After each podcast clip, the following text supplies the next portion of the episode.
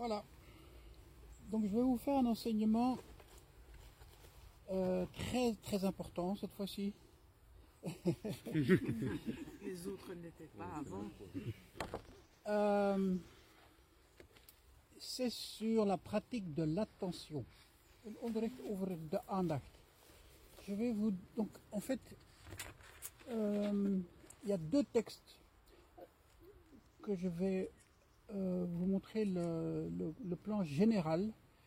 L'un c'est le Satipatthana. Dus de eerste tekst is de Satipatthana, waarvan ik een algemeen overzicht ga geven. Dat is een van de meest belangrijke euh, sutras van Bouddha. Donc le Satipatthana, c'est vraiment un des sutras les plus importants que le Bouddha a donné. Voilà. Et vous allez comprendre pourquoi. Dès le début, il le dit. Hein, zult direct wel begrijpen waarom. Et ce qui est important, c'est que j'ai retrouvé dans euh, le Shobogenzo de Maître Dogen, où il a un texte qui s'appelle Les 37 voies de l'éveil, où il reprend euh, le Satipatthana et il en fait quelque chose de magnifique. hein. Euh, donc voilà, il- dus, ik heb dan een tekst van Mr. Dogen gevonden, de 37 wegen naar het ontwaken, waar hij een deel van die Satipatthana eigenlijk herneemt en daar iets eh, uitzonderlijk moois van maakt.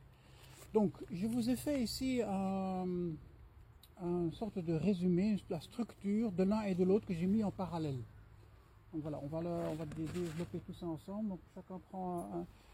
Op de, aan de ene kant is, is het in het Nederlands, de andere kant is het Frans. Donc d'un côté c'est néerlandais, de l'autre côté c'est en français. Alors d'abord, Satipatthana, ça veut dire euh, les établissements de l'attention. Une autre traduction qui a été faite euh, en néerlandais par les, deux euh, spécialistes du Pali, Jan de Breed en Rob Jansen, dat was het van de aandacht. J'ai ici un magnifique livre. het gelezen en néerlandais, mais il existe en français. Il existe en français. Bhikkhu Analayo, un moine Theravada allemand, qui a écrit La voie directe vers l'éveil. Non, vers, vers la, lib- la libération. De directe weg naar bevrijding. Et c'est euh, euh, le Satipatthana vraiment dans tous ses détails. Donc ça c'est vraiment une lecture. C'est un moine Theravada. Et ça c'est important à savoir. Ça n'a rien à Enfin, non. Euh, J'allais dire ça n'a rien à voir avec notre école, c'est pas vrai. En fait, justement, Maître Dogen dit que son maître à lui, Nyojo, le chinois Maître Nyojo, lui avait dit que tous les sutras, aussi bien de, de- des petits véhicules que du grand, sont à égal, au, même niveau, à égalité. Il faut étudier les sutras du Pali, les sutras du Bouddha, il faut étudier les pratiques que les, moines font du Theravada et de les mettre ça en relation avec notre, notre école à nous, l'école du grand véhicule.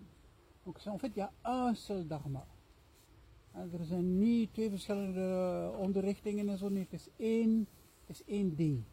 Donc c'est pour ça que je pense que c'est important pour nous, pour notre ouverture d'esprit, d'aller voir ce que les moines Theravada disent, entre autres de ce Satipatthana. Et ça, c'est vraiment un- un- une, aubaine que nous avons, que euh, ce Bhikkhu Analayo a fait. Il y a même un deuxième livre que je n'ai pas encore eu l'occasion de découvrir, une sorte de, de- de- de suivi là-dessus.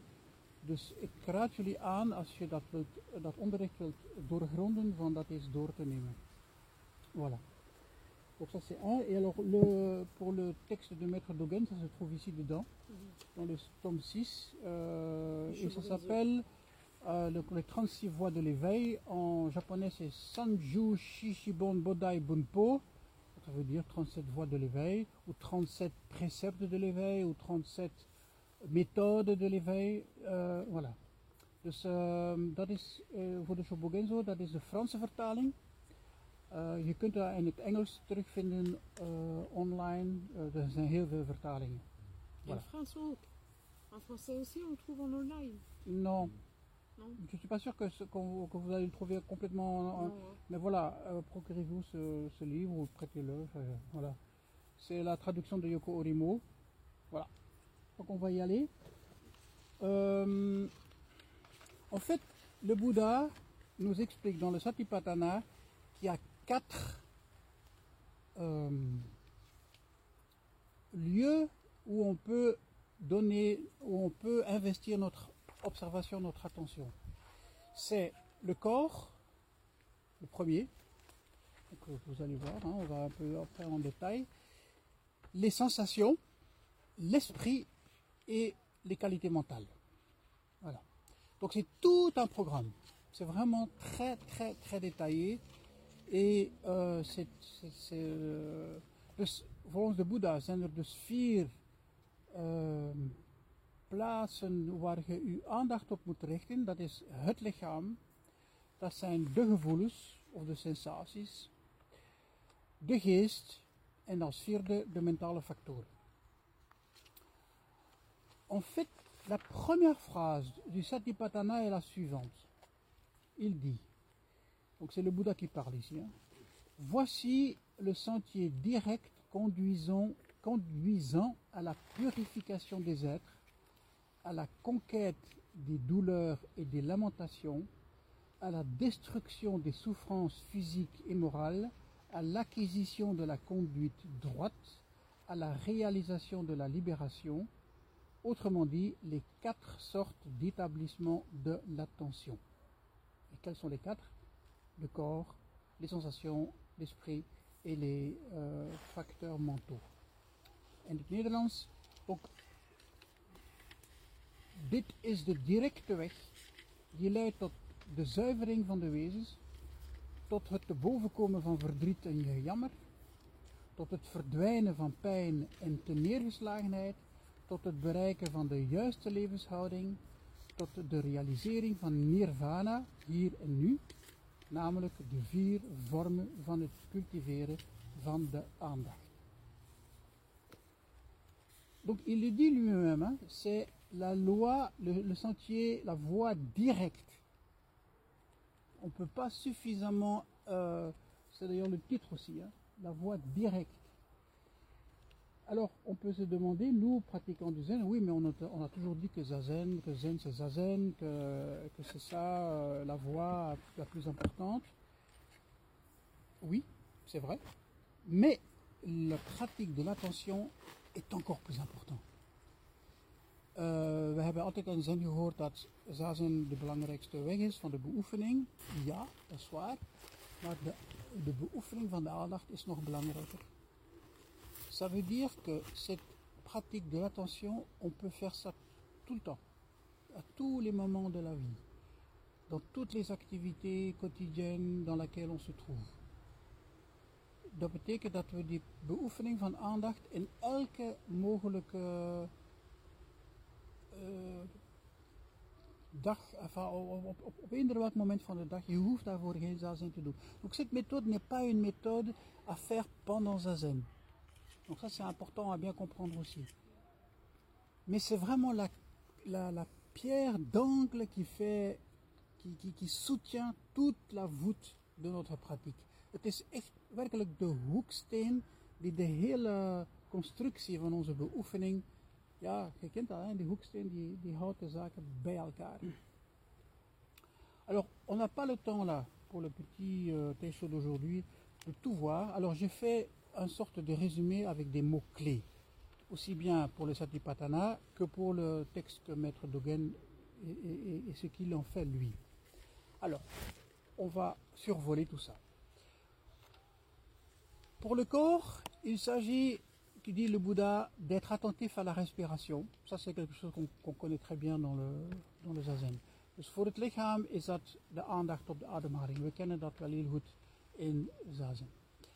Les attitudes corporelles. Euh, être debout, être assis, euh, marcher, euh, être couché. Les actions de la vie. Les parties anatomiques. Dus de lichaamshoudingen. Uh, staan, zitten, liggen, enzovoort. De handelingen die we verrichten met het lichaam. De anatomische onderdelen.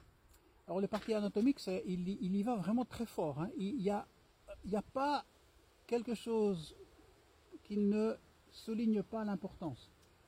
Uh, il, il, analyse le corps d'une façon scientifique. Hij analyseert het lichaam op een, op. Donc tous les organes y passent. Tous les fluides qui constituent notre corps y passent. Même le pipi en le caca. Uh, dus alles gaat, komt aan bod. Hè. Zelf uh, pipi en caca. Uh, alle, alles wat ons lichaam, de de. Les éléments, de elementen, hein, water, vuur, lucht en, en, enzovoort.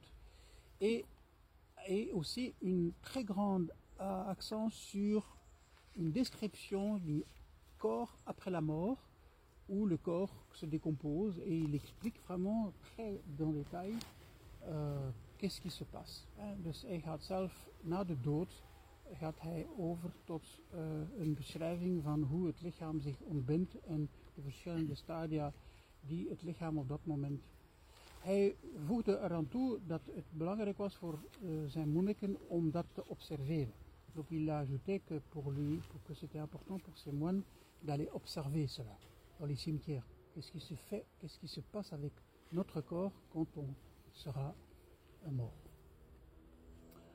Alors, ça c'est toute la partie pour le corps. Qu'est-ce que fait Maître Dogen avec ça?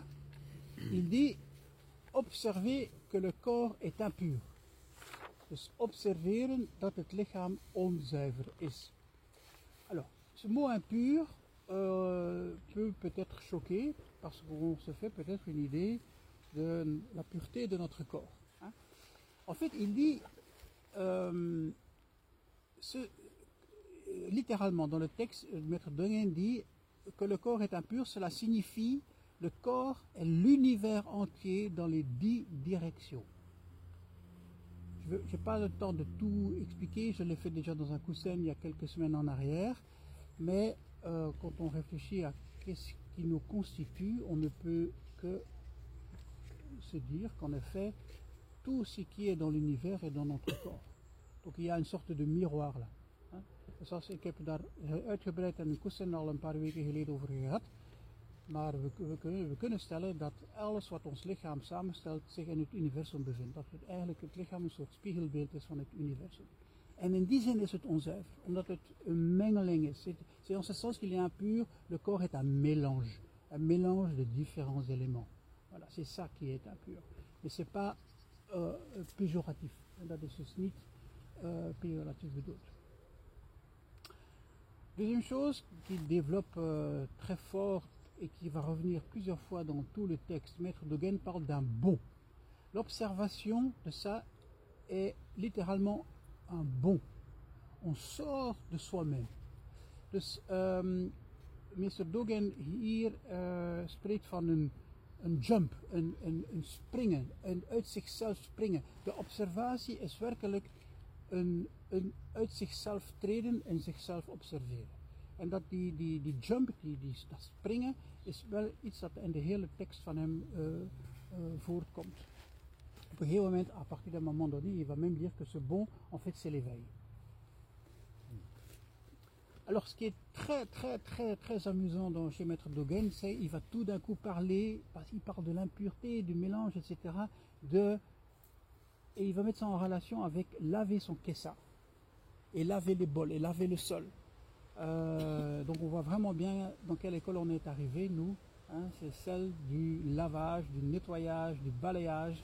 En dus uh, op een gegeven moment gaat meester Dogen dat in verband brengen met het, het, het proper maken van onze kissa, van het proper maken, het poetsen van de grond, van onze kommen enzovoort.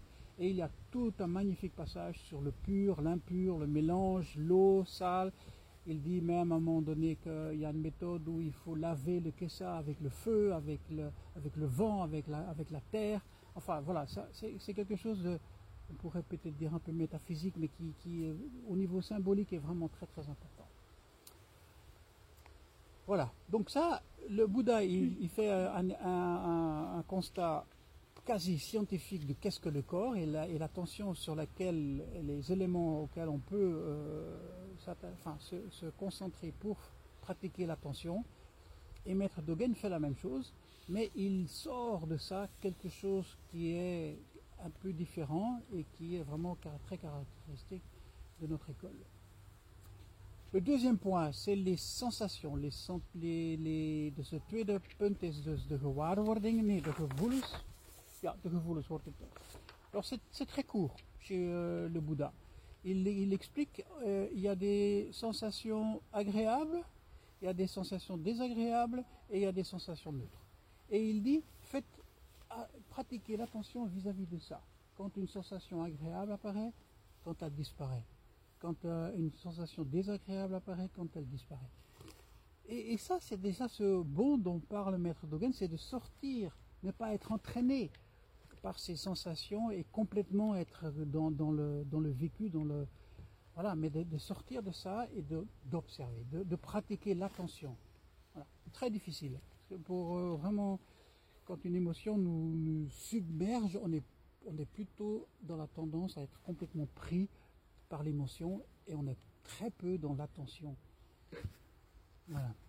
Alors qu'est-ce que fait euh, Maître Dogen avec euh, observer que la réception sensorielle n'est autre que souffrance. Dat is qu'il dit. Observeer dat de zintuigelijke waarneming leedvol is. En fait, c'est ce que je, disais là à l'instant, c'est euh, c'est souffrance parce que ça nous, submerge complètement. Euh, et le deuxième point, le corps vivant endure. Het lichaam, het levend lichaam ondergaat. C'est souvent dans, dans, ce- dans cette, dans cette perspective qu'on qu'on reçoit, enfin, qu'on qu'on perçoit nos sensations et nos sentiments. Elle aussi, on ne la reçoit ni de soi ni de l'autre. Ça apparaît. Is interessant aussi. Dus hij zegt ook, het, eh, het komt niet van onszelf, maar het komt ook niet van de anderen. Het verschijnt gewoon. En we ondergaan dat. Mais grâce, de nouveau, à la pratique de l'attention et la pratique de l'observation, on peut sortir de ça. Ne plus endurer, ne plus subir, simplement, mais sortir de là. Dus eh, dankzij de, de beoefening van de aandacht kunnen we daaruit treden, kunnen we weer die jump uit die, uit die toestand halen en is het niet meer een ondergaan, maar een observatie van wat er is. Et il, euh, très subtilement, c'est pas vraiment euh, décrit littéralement, mais il y a une référence aux douze inen. Alors je les ai remis là. Euh, donc les, douze chaînes de la production conditionnée, comme c'est expliqué, que le Bouddha, qui est une théorie du Bouddha. En dus heel subtiel maakt hij een verwijzing naar de twaalf schakels van de voorwaardelijke, ko- eh, het voorwaardelijk ontstaan. Dus een, een, een theorie, enfin, een- onderricht van de Boeddha zelf. Ik heb het hier in het heel klein nog aan toegevoegd, hein, pour, pour se remémorer. Donc tout commence, vous savez, c'est un cercle. Ça, tout commence avec l'ignorance, qui amène la construction psychique, qui amène la conscience, qui amène le corps, ça s'appelle nom et forme, qui amène les six sphères d'essence, qui amène le contact, qui amène la réception sensorielle, ben voilà, de nouveau, c'est là, réception sensorielle, qui amène la soif, hein, de begeerte, de, qui amène l'attachement, qui amène la- l'existence, qui amène la naissance et qui amène bien sûr la vieillesse, la maladie et la mort. Et le cercle est terminé. Donc ça c'est euh, cette histoire de le corps vivant qui endure, ben c'est ça. On est vraiment dans ce cercle des douze euh, qui s'enchaînent les uns aux autres. Et observer ça est vraiment très important. Observer ça dans sa vie, comment ça fonctionne, de voir comment ici et maintenant on va d'une étape à l'autre, comment avec un contact d'essence, tout d'un coup on est attrapé par des états d'esprit, etc. et des habitudes, voilà, tout ça qui fait qu'on on est dans la souffrance. Troisième point, l'esprit. Alors, chez le Bouddha, c'est encore une fois assez. euh, la, plus grande partie, en fait, c'est- vraiment celle du corps. Celle de l'esprit est plutôt courte, et, mais ce qui est im- important, il, est, dénumère, et ça c'est vraiment typiquement pour euh, indien, l'esprit indien, il dénumère tous les états d'esprit possibles. Alors il y a l'esprit avide, ou il y a l'esprit, le contraire, le non avide. Il y a l'esprit colérique, non colérique, il y a l'esprit confus, non confus, restreint, éparpillé, etc. Voilà, ils sont tous là. Il n'y en a pas d'autres. Pour le Bouddha, c'est de cela qui- qu'il parle. Mais ce qui est important, c'est de euh, comprendre et d'observer dans quel état d'esprit on est. est-ce qu'on est dans un esprit avide, est-ce qu'on est dans un esprit colérique ou non colérique, euh, etc. Est-ce qu'on est dans l'esprit limité? Et le moine, chaque fois il dit, c'est un refrain, et le moine il comprend qu'il est dans un état d'esprit euh, surpassé, par exemple. Dus uh, de verschillende geestestoestanden, er zijn er een stuk of zeven, nee acht eigenlijk, die de Boeddha heeft onderscheiden. Begeerig en elke keer zijn tegendeel, niet begeerig. In welke toestand, mentale toestand we kunnen uh, ons bevinden. Boos, niet boos, verward, niet verward, samengetrokken, verstrooid. Voilà. Dat is typisch de Indische cultuur om lijstjes te maken. En Boeddha was daar een heel groot beoefenaar van. Donc c'est vraiment, ça c'est vraiment la culture indienne complètement, c'est de faire ces listes. Euh, mais c'est une façon de, rendre les choses très accessibles en fait. C'est vrai qu'à le lire, parfois ça tu te dis, oh là là, on a compris là. Il faut bien se dire que le Bouddha, il, faisait un, un, enseignement oral. Il fallait que ça rende, donc les, les gens n'écrivaient pas hein, comme certains, comme vous faites là. Euh, donc il fallait retenir, donc il fallait répéter, répéter, répéter. Dus het is belangrijk, die lijstjes waren er ook om, om, omdat het een, on, onderricht was. En de mensen waren daar niet aan het opschrijven, maar ze was aan het onthouden. En dus om te kunnen onthouden moet je herhalen, herhalen, herhalen. Je, kunt maar je moet maar blijven herhalen om te kunnen begrijpen. Alors qu'est-ce que fait Maître Dogen avec euh, l'esprit En fait, il revient tout simplement à l'enseignement de l'Anya que vous connaissez tous, tous Hij keert terug naar het onderricht van de Hanya Shingyo. Alle verschijnselen zijn leeg. Tous les phénomènes sont vacuités. Donc, l'esprit également est vacuité. Euh, eigenlijk zegt de Bouddha hetzelfde. En fait, le Bouddha dit la même chose. Seulement, lui, il met des mots. L'esprit, il est où il est ci, où il est ça. Il est, il est toujours rempli de quelque chose. Donc, en fait, lui-même on ne peut pas vraiment l'attraper parce qu'on est ou dans un état ou dans un autre et c'est continuellement en train de changer. Donc on ne peut pas se dire, voilà, clac, maintenant mon esprit il est confus ou pas confus parce que dans l'instant suivant il peut être élevé, l'instant suivant il est non libéré, l'instant suivant il est avide, etc. etc. Donc au final, on, ne peut dire que l'esprit, on ne peut pas l'attraper, on ne peut pas le dénommer, on ne peut pas le mettre la main dessus. Donc voilà, c'est une autre façon de présenter les choses. Et euh, dans le texte de Maître Dogen, il dit que euh, cette sagesse de cela, c'est égal à l'éveil de Bouddha, l'éveil des patriarches, l'éveil de, tous les, éveillés. Donc c'est quelque chose encore à bien, réfléchir, enfin à bien creuser plutôt.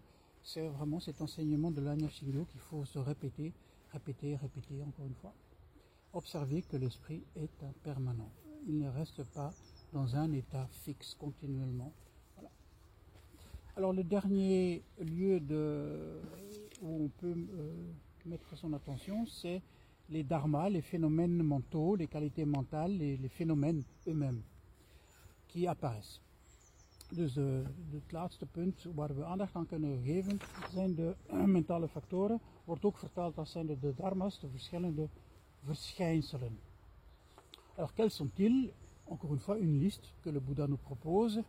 Il y a les cinq obstacles, il y a les cinq agrégats, il y a les six appareils d'essence. En fait, tout ça c'est très simple. Hein. Quand on voit les cinq obstacles, il dit, il énumère désir sensuel, répulsion, indolence, énervement, doute. Ça c'est un, un obstacle à l'éveil. Les cinq agrégats, observez les cinq agrégats. Et chaque fois, il dit apparition, disparition des formes, apparition, disparition euh, des sensations, apparition, disparition des perceptions, apparition, disparition des fabrications mentales. Voilà, les cinq, euh, qui, revient dans l'Anya Shingyo, hein, euh, le Bodhisattva de la grande compassion, voit que les cinq agrès sont vacuités. D'ailleurs, c'est ce que Maître Dogen va dire pour le numéro 4, observer que les phénomènes sont dépourvus de nature propre. Hein, en fait, ces quatre éléments sont, sont imbriqués l'un dans l'autre. Hein. on les sépare un petit peu pour faire un truc cohérent, un discours cohérent, mais en fait, l'un est vraiment imbriqué dans l'autre. Alors, les six appareils d'essence, internes et externes, zintuigen, œil, oreille, nez, langue, corps, esprit, voilà, comment ça fonctionne. Voilà, c'est même très scientifique. Zin, zes zintuigen. Uh, ja, in het, in het boeddhisme zijn er zes zintuigen en geen vijf. Um, voilà. De van ontwaken, les sept facteurs d'éveil.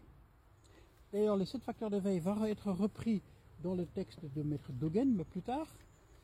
Euh, parce que là, les, les quatre premiers, c'est les quatre premiers des 37 voies de l'éveil. Après, il y en a encore 33 qui vont suivre.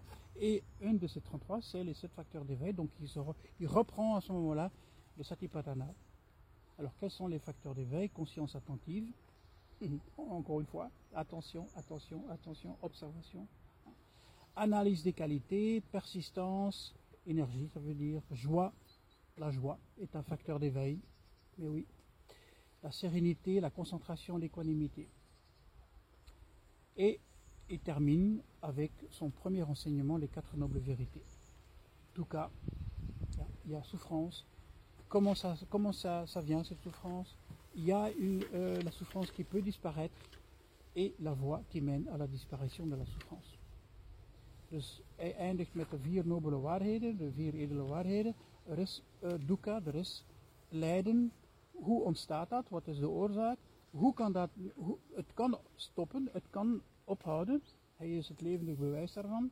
En de weg daar naartoe. Alors, qu'est-ce que fait Maître Dogen avec ça Bon, je viens de le dire là, il observe que tous les phénomènes sont dépourvus de nature propre. Il reprend le fameux koan mou, que tout le monde connaît, je pense. Hein, euh, mettre, euh, un moine demande à, à maître Juju, est-ce que le chien, là, il y en a un qui, balade là, est-ce que le chien, lui là, est-ce qu'il a la nature de Bouddha? Et Juju répond, moe. Hein, donc,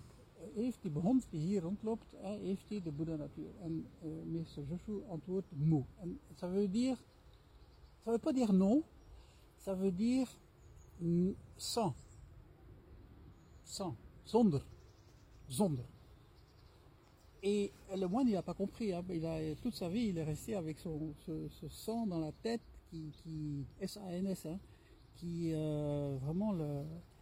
Donc c'est intéressant que Maître Dogen revient là-dessus. Euh, et il parle de présent et non présent. Et bon, voilà, je ne vais pas en dire plus, à vous de, de vous laisser imprégner par ce mou fondamental pour euh, à pratiquer. Hein, dus ik, ik, laat je, ik ga daar niet te veel meer over zeggen. Um, wees helemaal één met die moe. Hein, dus aanwezig, niet aanwezig. Voilà, il joue avec ces mots. Il parle de. Ah oui, la nature de Bouddha et les êtres, et il, va faire, il, explique toutes les combinaisons, les combinaisons possibles que je vous ai mises là. Les êtres sont la nature de Bouddha, la nature de Bouddha sont les êtres, etc. etc. Vous pouvez les voir. Hij geeft de verschillende combinaties mogelijk tussen wezens en Boeddha-natuur en alle mogelijkheden, de relaties daartussen. Voilà, mais en fait ça revient toujours à la même chose, à cette histoire de vacuité, de la chose qu'on ne peut pas vraiment saisir, qu'on ne peut pas vraiment s'accaparer, qu'on ne peut pas vraiment euh, dénommer même. Alors il y a la conclusion chez l'un et chez l'autre. Le Bouddha, il explique que si on pratique ça, l'attention sur le corps, les sensations, l'esprit et les qualités mentales pendant sept années, on atteint l'éveil.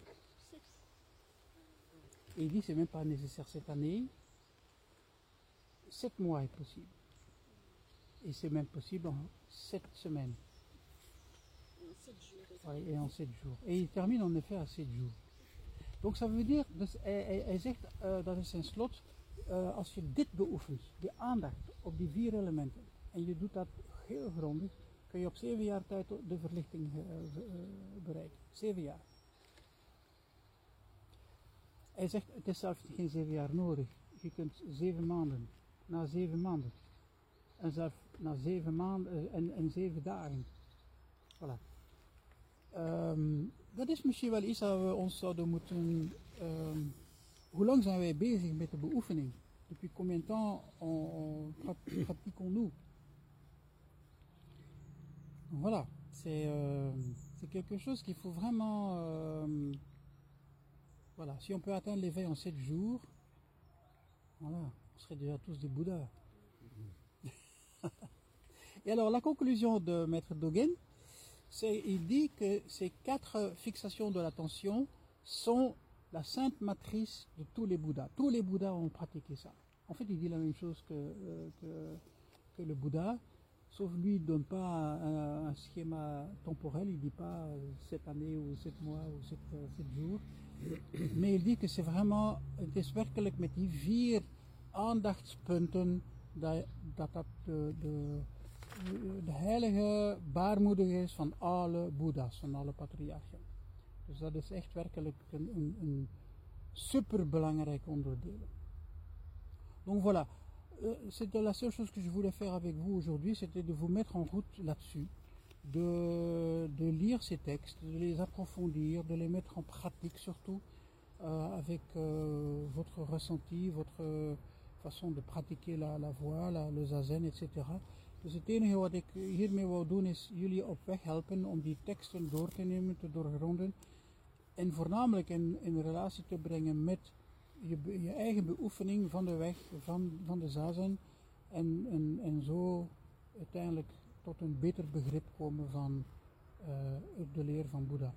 Et de cette façon de, de- de mieux euh, être dans la compréhension de, de cet enseignement de, de Bouddha et, et de tous les patriarches.